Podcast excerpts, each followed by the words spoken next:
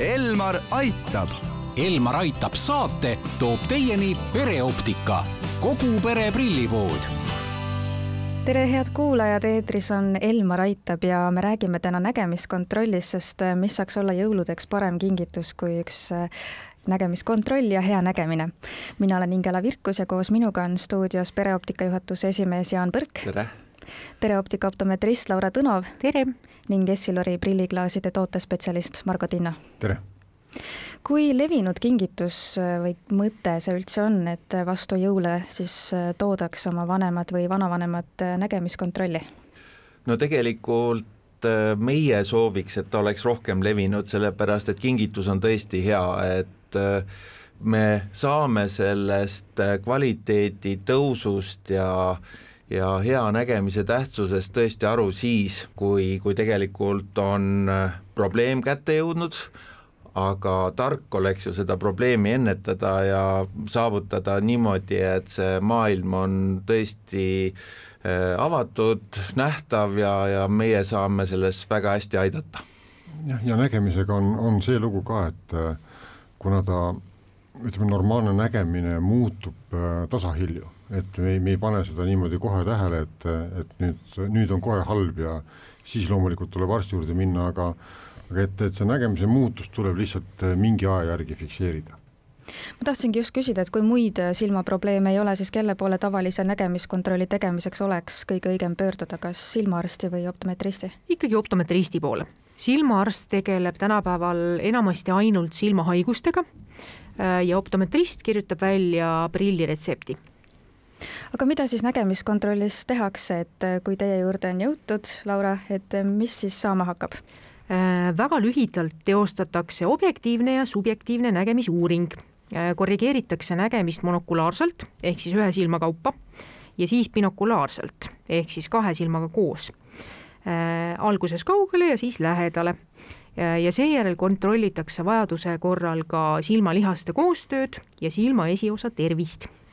Jah, see osa nüüd puudutab nägemist kui prillioptikat, aga näiteks pereoptika suur panus on ka kuiva silma sündroomi parandamisele, ennetamisele ja, ja nõuannetele, kuidas sellest lahti saada, nii et, et äh, siin äh, esinduskaupluses siis meie Kuiva Silma keskuses me siis süvendatult uurime seda olukorda, mida tekitab kuiv silm, kui inimestel on kipitused, punetused silmas, et leiame selle põhjuse, kaardistame selle ja anname head nõu, kuidas sellest vabaneda ja kuidas oma edaspidist elu elada kas nägemiskontrolli tulles peaks midagi kaasa ka võtma, näiteks eelmise prilliretsepti või, või prillid või äh, kuidas selleks valmistuda?